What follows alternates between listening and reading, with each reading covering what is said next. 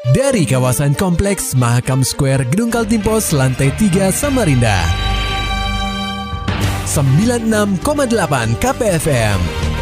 Kita akan ikuti program KP Flash News.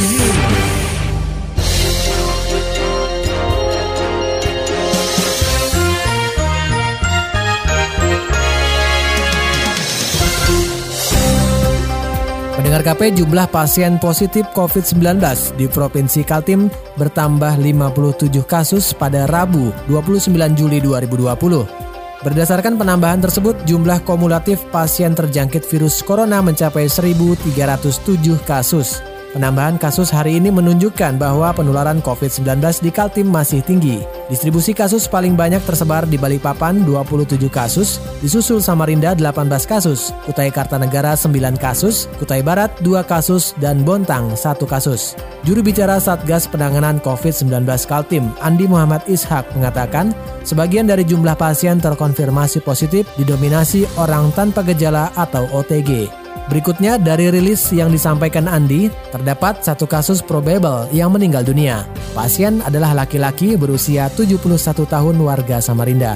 Dari 269 suspek, ada sebanyak 57 yang terkonfirmasi positif hari ini, sehingga total terkonfirmasi sudah lebih dari 1.300, tepatnya 1.307 hingga hari ini. Andi yang menjabat PLT Kepala Dinas Kesehatan Provinsi Kaltim itu juga menyampaikan bahwa ada 49 kasus sembuh di Kaltim. Nah, ke seluruh kasus tersebut menyatakan sembuh karena telah melalui masa isolasi 10 hari dan dari hasil pemeriksaan klinis dari dokter penanggung jawab pelayanan yang merawat kasus tersebut dan menyatakan bahwa secara klinis telah memiliki kondisi yang sangat baik dan sudah tidak lagi menunjukkan gejala. Dengan demikian mendengar KP, jumlah kasus positif COVID-19 di Kaltim ada 1.307 kasus. Pasien sembuh ada 857 orang dan meninggal dunia 28 orang. Sementara pasien yang masih dalam perawatan ada 422. Pendengar KP, kasus penularan virus corona terhadap tenaga medis di Samarinda kembali terjadi. Sebanyak 6 petugas di RSUD Abdul Wahab Sahrani positif terjangkit COVID-19. Humas RSUD Awe Sahrani Samarinda, Dr. Arisia Andina mengatakan keenam tenaga medis tersebut telah menjalani isolasi mandiri setelah menerima hasil terkonfirmasi positif pada Selasa sore. Pihak RSUD Awe Sahrani tidak merinci status enam pegawai tersebut, apakah dokter atau perawat.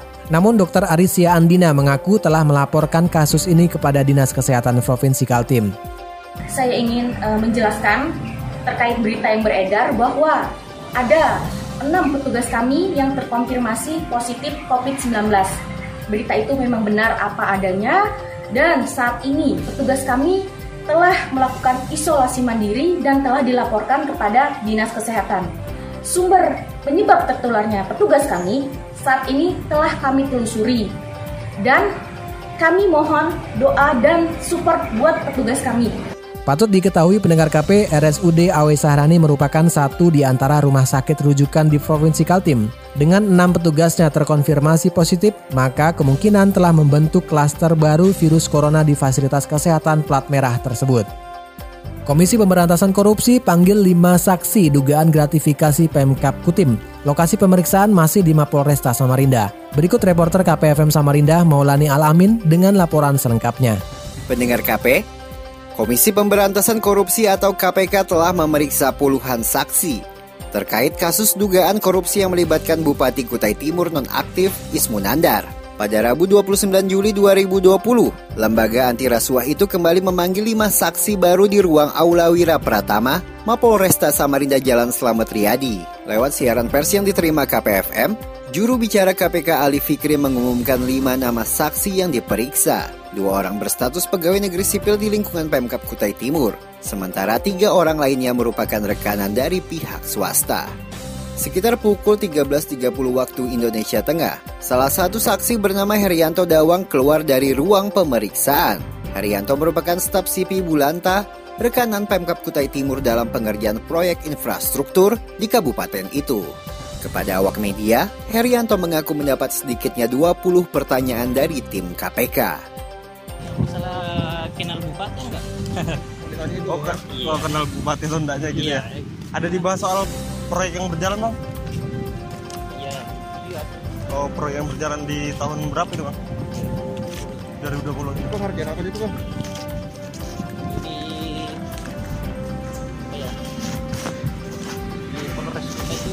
Berselang satu jam setelah Herianto, Direktur CP Bulanta Sesti Saring Bumbungan keluar meninggalkan ruang Aula Wira Pratama sekira pukul 14.25 waktu Indonesia Tengah.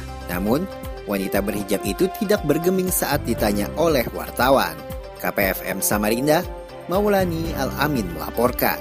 Pendengar KP Komisi Pemilihan Umum atau KPU Kota Samarinda menerima berkas dukungan perbaikan yang diserahkan bakal pasangan calon atau Bapaslon Wali Kota dan Wakil Wali Kota Samarinda jalur perseorangan Parawansa Asoni Wora dan Markus Taruk Alo.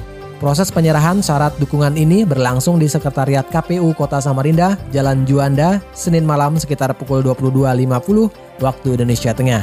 Ketua KPU Kota Samarinda Firman Hidayat menyebutkan jumlah syarat dukungan yang diterima pihaknya ada sebanyak 46.377 dokumen. Firman menerangkan berkas dukungan yang disampaikan Bapak Slon Parawansa Markus telah melebihi batas minimal yang harus diganti setelah melalui verifikasi faktual, yakni 43.238 suara.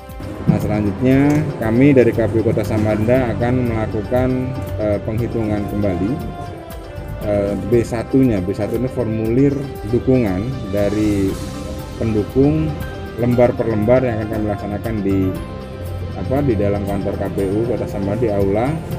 Ya, pola penghitungannya adalah 24 jam.